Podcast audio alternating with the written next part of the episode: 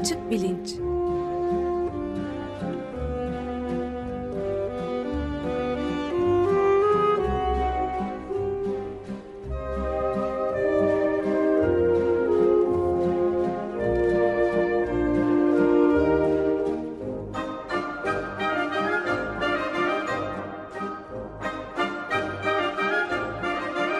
Güven Güzeldere ile bilim ve felsefe sohbetleri. Günaydın Güven Bey, merhabalar. Günaydın Ömer Bey. Günaydın. Günaydın Özdeş. Evet, e, daha önce de konuştuğumuz gibi e, Selim Badur ve Işıl Arıcan konuğumuz olacaklar ve bu iş, e, şeyde aşıdaki tereddütler konusunda özellikle de size de gelen dinleyicilerden bazılarının dile getirdikleri tereddüt konusunu biraz daha etraflıca ele alıp bir çeşit böyle tartışma yapalım gibi bir şey söylemiştik ama siz çok daha iyisini anlatırsınız. Estağfurullah, hoş geldiniz öncelikle Ömer Bey. Ee, hoş bulduk siz de öyle. Teşekkürler. Şöyle konuşmuştuk, yani aşı serisini bitirdik diye aslında düşünüyorduk. İki programda Işıl Arıcan konuk olmuştu. İki programda Selim Badur konuk oldu. İşte konuşmayı düşündüğümüz her şeyi e, konuşmuştuk. E, buradan da bu serinin ikinci bölümüne yani komplo teorilerine inanma eğiliminin altındaki bilişsel nedenlere geçecektik. Geçeceğiz de nitekim. E, fakat e, şunu söylemek lazım. E, aşı e, ya aşı konusunda çekinceleri olan ya da tereddütleri olan herkes aşıyla ilgili komple teorilerine inandığı için bu çekincelere sahip değil. Böyle söylemek e, yani bunun tersini söylemek haksızlık olur. E, sonuçta aşı karşıtlarının büyük bir iştahla piyasaya sürdükleri ve ürettikleri e, bir takım komplo teorileri var ve bu teoriler de bazı insanların tereddütlü olmalarına yol açıyor. Dolayısıyla bunlar birbirlerinden bağımsız şeyler değil ama e, komplo teorilerine inanmaya hiçbir e, eğiliminiz olmadığı halde diyelim yeni anne babasınız işte bebeğiniz var aşı zamanı geldi ama işte WhatsApp gruplarından sağdan soldan bir takım bilgiler ya da bilgi olduğunu iddia eden şeyler e, akıyor. E, çocuğunuzu aşılattırırsanız şöyle kötü şeyler olabilir, başına bunlar gelebilir, sakın aşı yaptırmayın falan. E, siz de bir tereddüt hali içindesiniz. E, bu çok e, anlaşılması gereken ve bence e, dikkate alınması gereken, yanıtlanması gereken bir psikolojik durum. E, dolayısıyla bu insanları aşı karşıtlığının komplo teorilerine inananlarıyla aynı e, klasmana sokmamak lazım. E, dinleyicilerden de gelen bir takım sorular üzerine son bir program yapmaya karar verdik ve hem Işıl Arıcan hem e, Selim Batur sağ olsunlar katılmayı kabul ettiler. E, bu tür tereddütlerle ilgili e, konulara değinmek ve sorulara cevap vermek üzere. E, teşekkür ediyorum. E, Işıl Selim Bey hoş geldiniz bu arada. Merhaba, hoş bulduk. Hoş, bulduk. hoş geldiniz. Şimdi ben e, Twitter'dan yazmıştım aşılar konusunda e, sorunuz varsa lütfen yazın bu programda ele alacağız diye. E, aşı tereddüt ile ilgili olmayan ya da belki ilgili olan ama aslında Covid aşısına ilişkin bir soru da gelmiş. Bunu da e, özellikle Selim Bey'e sorabiliriz diye düşündüm. Programın sonunda ona da yer vereceğim. Ama şimdi diğer aşı tereddütü konusuna gelelim. E, dinleyicilerden birisi mesela bana bir e, kitap referansı göndermiş. E, Neil Miller isimli bir doktor yazmış bunu e, eleştirel aşı çalışmaları diye. E, bu e, kitap aşılar hakkında e, yazılmış ve çeşitli e, şüpheler ya da kuşkular içeren 400 kadar bilimsel makaleyi derlemiş. Aslında bunun ötesinde e, bu doktorun e, kendi katkısı pek yok. E, bu makaleleri özetliyor ve diyor ki bakın aşı konusunda e, sizi tereddüde sevk edecek böyle çalışmalar da var. Bunlardan haberdar olmanızı istedim. Bunun için bunları bu kitaba topluyorum filan. E, bu kitap hakkında ne düşünüyorsunuz e, diye sorulmuş. Ben e, vallahi peki işi gücü bıraktım. Bu kitabı bu okudum yani son e, işte geçen hafta boyunca. E, şunları söyleyerek başlayayım sonra e, Işıl Arıcan ve Selim Badur'a sözü vereyim. E, şimdi bu kitap diyor ki bir kere en başında e, ya da bunu yazan e, bu Miller isimli doktor ben e, aşı yaptırın ya da yaptırmayın diye bir öneride bulunmuyorum. Dolayısıyla bu kitap e, aşı taraftarı ya da aşı karşıtı bir kitap olarak görülmemeli. Yalnızca bilimsel yayınları bir araya getirdim. İşte siz okuyasınız diye e, sunuyorum diyor. Peki sonra da çeşitli konular altında e, sınıflamış. Mesela e, aşıların içeriğinde var olan alüminyum ya da timoresal yani e, cıva maddesinin yarattığı alerjik reaksiyonlarla ilgili yazılar var. Grip aşısıyla ilgili yazılar var. E, işte çocuk felciyle ilgili yazılar var. Şeker konusu filan. Bunlarla ilgili böyle 400 tane yazı var.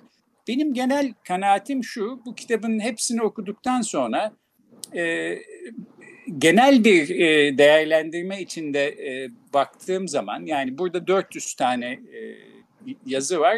E, burada böyle alarm zillerini çaldıracak ve eyvah ben bebeğime aşı yaptırmayayım dolayısıyla e, diyecek hiçbir çalışmaya rastlamadım. Ee, bir de tabii burada böyle 400 yazı var fakat bunun e, tam tersine aşının yararlarını anlatan da binlerce yazı var. Dolayısıyla e, e iki kefeye iki farklı şey koyacaksak bunu dengeli bir şekilde yapmamız gerekiyor. E, bir de bilimin kendi eksiklerini ve yanlışlarını düzeltmesiyle ilgili önemli bir şey olduğunu düşünüyorum bu yazıların içinde. Ben bu tür kitapları aslında faydalı buluyorum çünkü e, bir takım sorunlu yerlere parmak basan makaleleri toplamışlar. Bu makaleler sayesinde de aslında bir takım eksikler ya da yanlışlar gideriliyor ve dolayısıyla e, bilim ileriye gidebiliyor. Bu konuya birazdan döneyim fakat e, şuradan başlayalım. Mesela bu kitaptaki yazıların bir kısmı e, aşıların içeriğindeki cıva ya da alüminyumun yarattığı e, sorunlara değiniyor.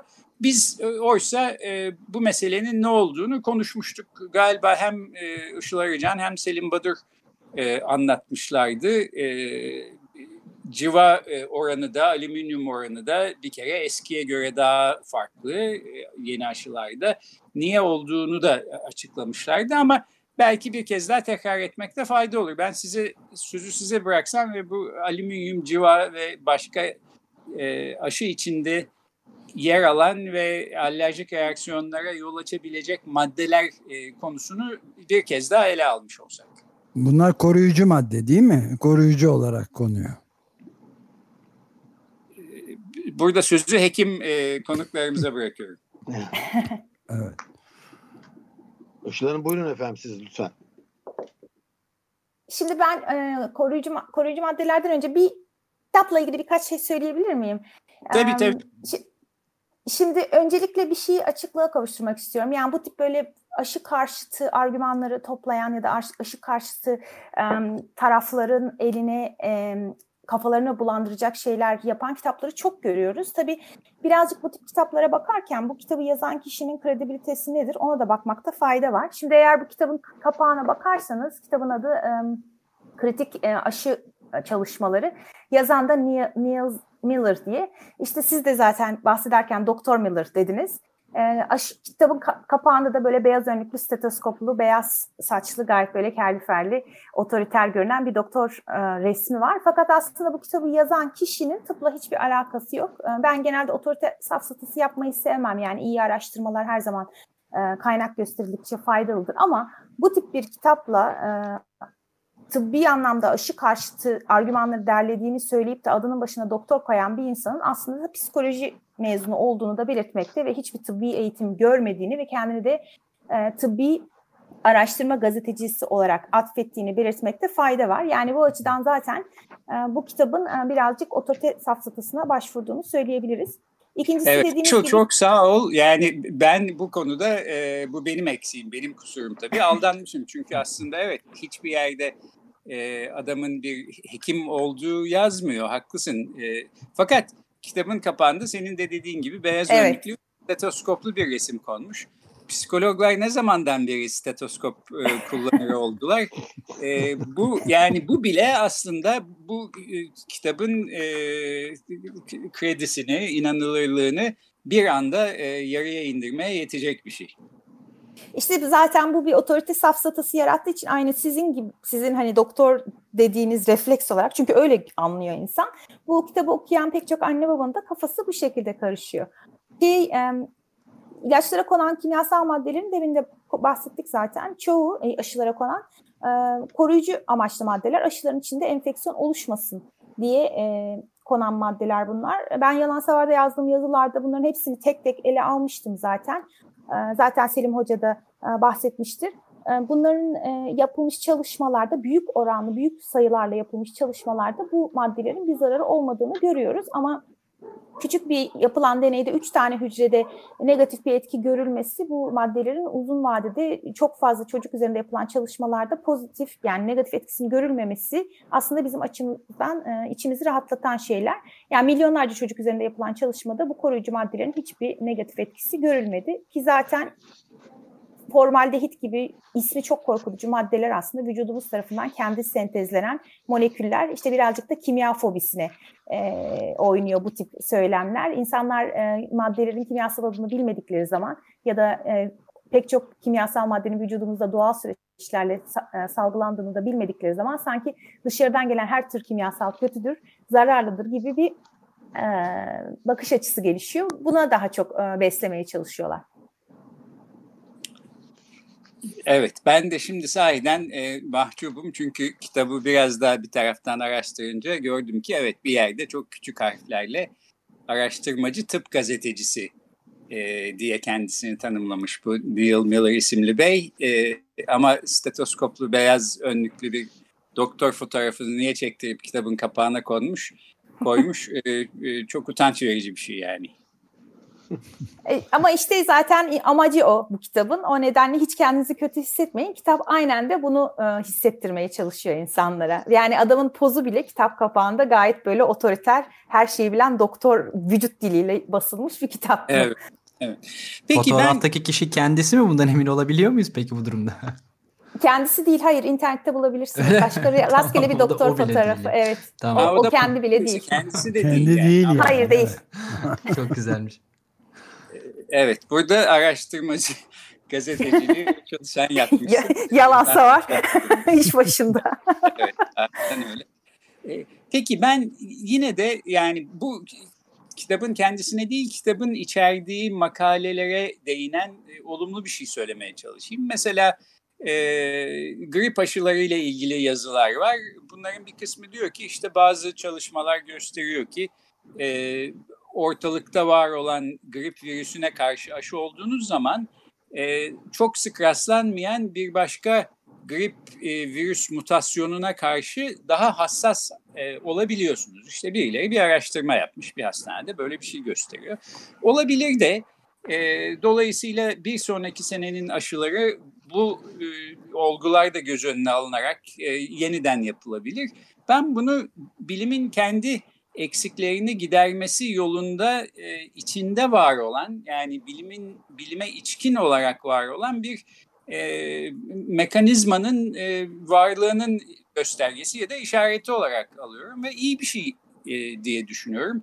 E, dolayısıyla e, bir takım e, komploya varacak işte çok güçlü bir e, aile var e, bilmem Amerika Birleşik Devletleri'nde yaşıyor ve e, işte başka ülkelerin soylarını kurutmak için onlara AIDS hastalığı aşılıyor. Bütün e, aşıları da onlar üretip işte Afrika'ya yolluyorlar ya da kısırlaştırmaya çalışıyorlar falan gibi şeylerin e, bilimin kurumsallık yapısı içinde var olmasına imkan ihtimal yok e, diye düşünüyorum. Tam tersine e, var olan pürüzler, eksikler de aslında böyle eleştirel eleştirel e, araştırmalar sayesinde gideriliyor kanısındayım. E, bu da belki aslında bilimin ilerlemesi için en önemli garanti. Yani yanlışlanabilir olması, eleştirilebilir olması, düzeltilebilir olması. E, Selim Bey siz bu aşı karşıtlığı konusunda çok e, çalıştınız. E, sizin fikriniz nedir bu konuda? Teşekkür ederim.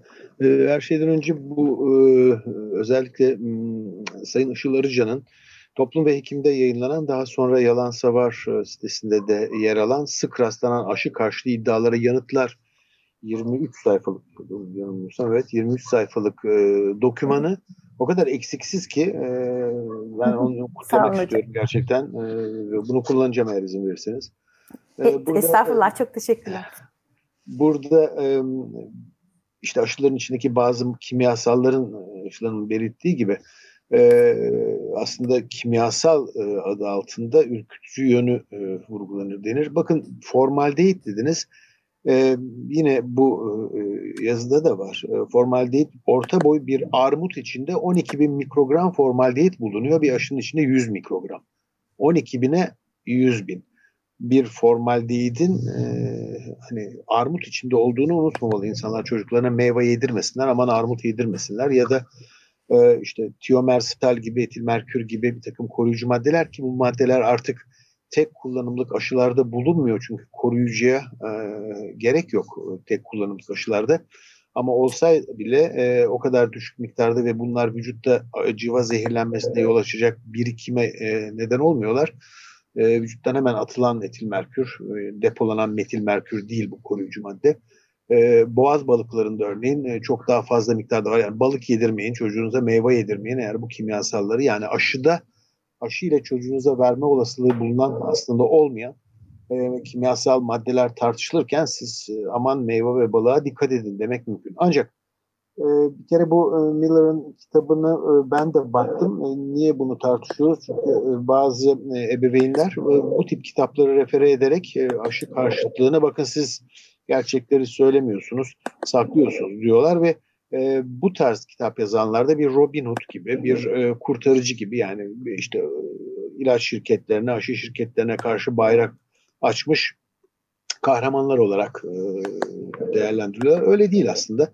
Bunların hepsinin altında birer ticari e, gerekçe var. Tek bir örneği e, değinmeme izin verin. Ondan sonra sözü size bırakacağım. Örneğin bu kitapta yazılan e, konulardan bir tanesi de eleştirilerden bir grubu da e, işte grip aşıları başta olmak üzere çeşitli aşıların e, yapılmasından sonra e, aşı olanlarda Guillain-Barré gibi bir nörolojik komplikasyonun görüldüğü iddia edilir. Evet doğrudur.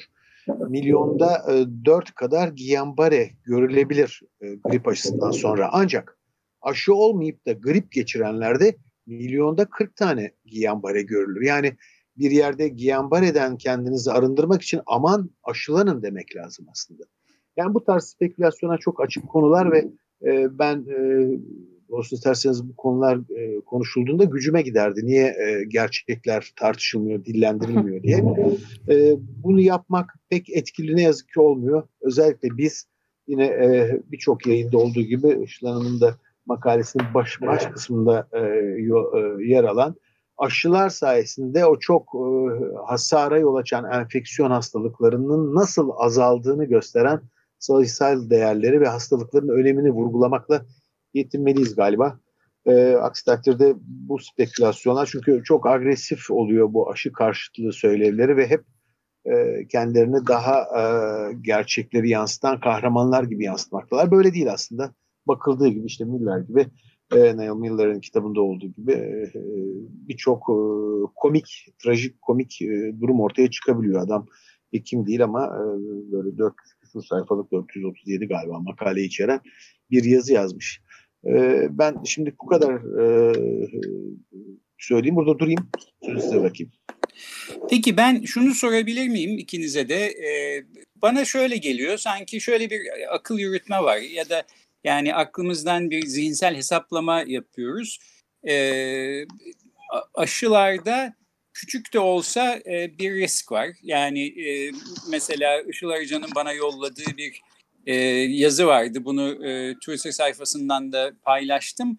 E, Amerikan Aile Doktoru isimli dergide yayınlanmış. Orada e, yapılan araştırmalar gösteriyor ki e, bazı hastalıkların aşılarında e, işte şimdi tam önümde yok ama mesela kızamık e, aşısında e, 20 binde bir oranda küçük alerjik reaksiyon 1 milyondan 1 milyonda birden az oranda ise ciddi alerjik reaksiyon göz, gözleniyor ya da difteri tetanoz aşısında yine 1 milyonda bir vakada risk var.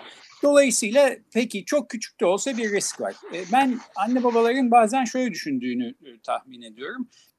Çok küçük de olsa bir risk var aşı yaptırdığımız zaman bebeğimize ama aşı yaptırmazsak hiçbir risk yok.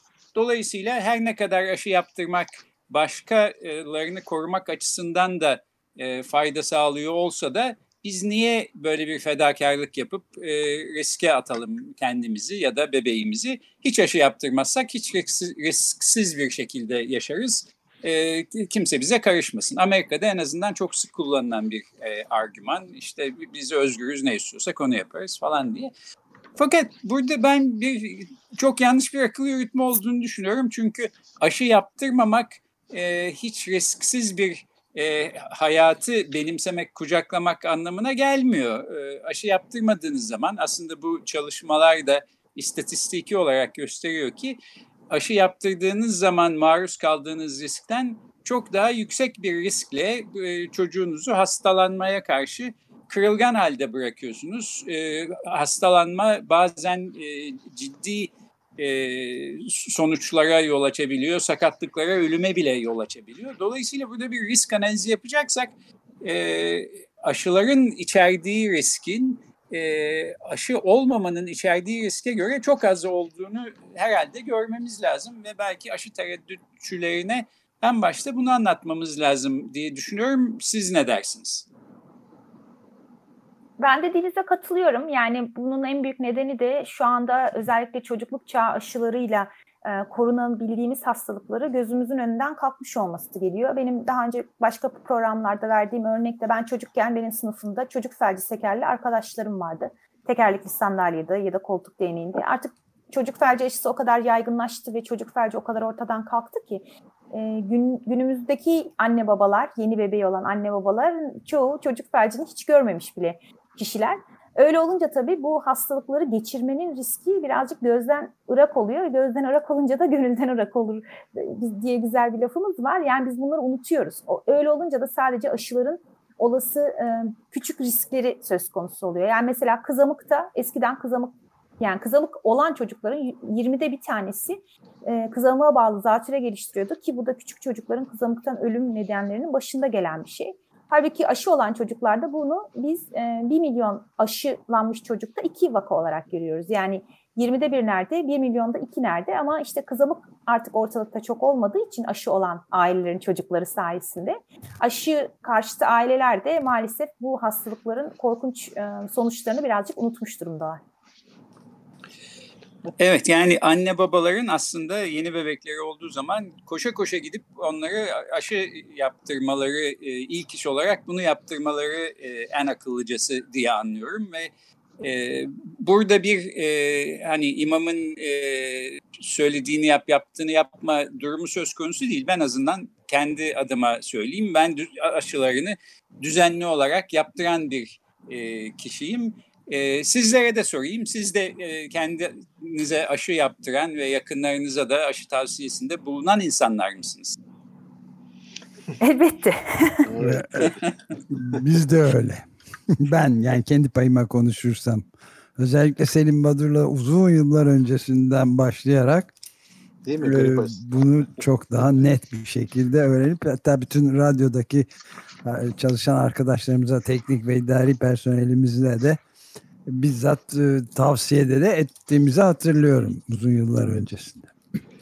Evet yani bu, kusura bakmayın bu aslında tabii. sorması bile belki absürt bir soru ama hani e, aklında böyle bir şey olan e, bir, bir tereddütü olan birisi varsa bunu da cevaplamış olalım dedim. Şimdi programın sonuna geliyoruz. E, bir de Covid aşısıyla ilgili bir soru vardı onu da atlamayalım istiyorum. E, soru şöyle bunu da belki e, Selim Bey'e yöneltelim.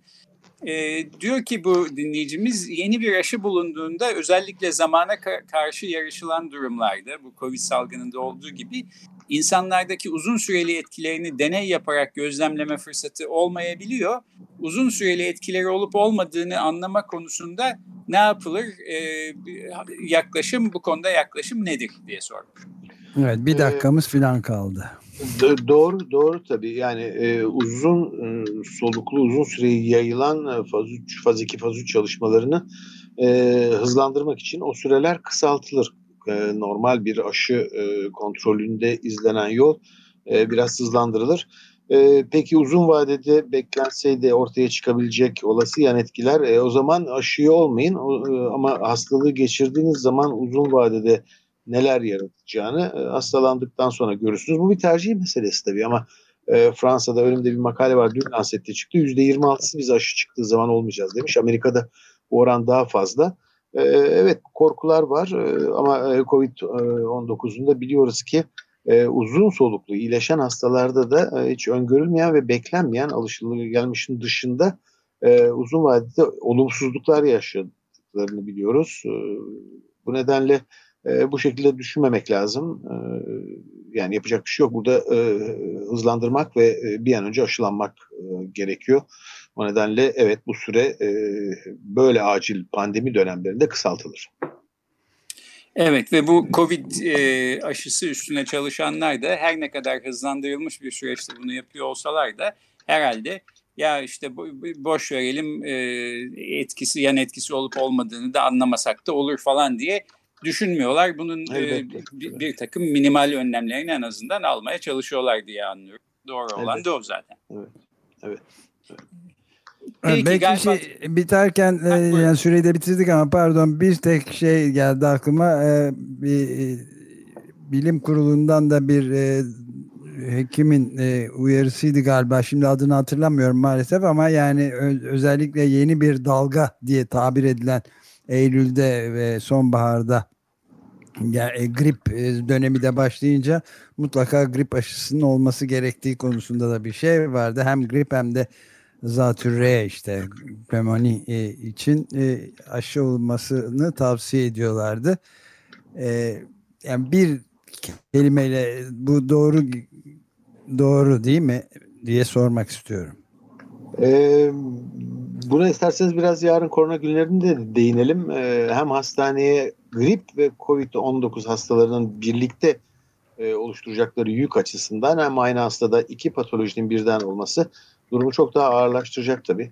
E, bu nedenle e, bilim kurulu Türkiye'de de hem grip aşısı hem e, grip tanısının konması için hızlı testlerin e, sağlık kuruluşlarına e, verilmesini öneriyor. Çok katılıyorum tabii. Bu tür yazılar bu konuyla ilgili çıkmaya başladı. Evet, yani bunu sormak istemiştim. Kuzey Yarımküre, evet, Kuzey Yarımküre için e, bu uyarıyı yapıyorlar. Ben bir, bir şey de ekleyeyim. Ee, aynı zamanda e, şöyle bir sorun da var. Ee, özellikle iki tür e, yani gripte komplikasyonları aynı şekilde solunum sistemi evet. tuttuğu için hastaneleri meşgul eden bir şey. Aynı zamanda kapasiteyi de COVID'e ayırmak için özellikle gribi mümkün olduğunca çok önlemek çok önemli. Evet. Ee, evet yani dünyada e, Covid'den enfekte olan hasta sayısının günlük e, çeyrek milyona neredeyse ulaştığı ya da o civarda olduğu bir dönemdeyiz. E, çok ciddi bir şekilde ilerliyor aslında salgın. Bulunabilecek etkili ve risksiz bir Covid aşısı bir kilometre taşı olacak, bir dönemeç olacak diye düşünüyorum. E, bekliyoruz. Böyle bir aşı bulunduğu zaman bunu yaptırmamanın e, hiçbir akla uygun e, tarafı olmadığını buradan herhalde bir kez daha söylemekte fayda var. E, böylece bu aşı serisini bitirmiş olalım. E, Profesör Selim Badur'a ve Doktor Işıl Arıcan'a çok teşekkür ediyorum. Zahmet edip son bir defa daha kendilerini buraya getirttik.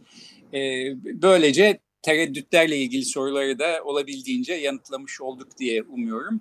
Bundan sonra komplo teorilerine inanma eğilimine geçeceğiz. Fakat gelecek hafta araya bir başka program girebilir. Türkiye'de açık öğretim ile klinik psikoloji lisansı verilmesi e, gündemde. E, böyle bir yasal değişikliğe Türk Psikologlar Derneği e, karşı çıkıyor. Karşı çık yapması içinde e, çok haklı nedenleri var gibi gözüküyor. Belki bu konuyu konuşacak bir program araya alabiliriz. Ondan sonra komplo teorilerine geçeceğiz. Ben yeniden e, Selim Badur'a ve Işıl Arıcan'a çok teşekkür ediyorum. Sağ olun, eksik olmayın. Çok teşekkürler. Ben de çok, çok teşekkürler. teşekkür Görüşmek üzere. Ee, ama bir tek şey söyleyeyim mi? Işıl Hanım'ın bu sık rastlanan aşı karşıtı iddiaları yanıtlar sanıyorum. Yalansa var sitesinde görevliler. Lütfen aşılarla ilgilenen ebeveynler bu yazıya baksınlar. Yani bu yazıda her şeyi bulacaksınız. Bırakın Neil Miller falan. Ee, o kitapları. Bu yazı önemli bir yazı. Evet, Çok teşekkür program, ederim hocam. bu programın. Twitter kutusunda da ben e, bağlantısını koyuyorum. Oradan Lütfen. kolayca ulaşılabilir.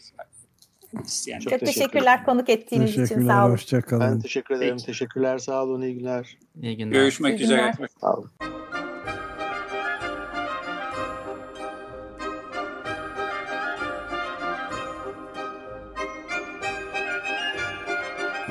Açık bilinç.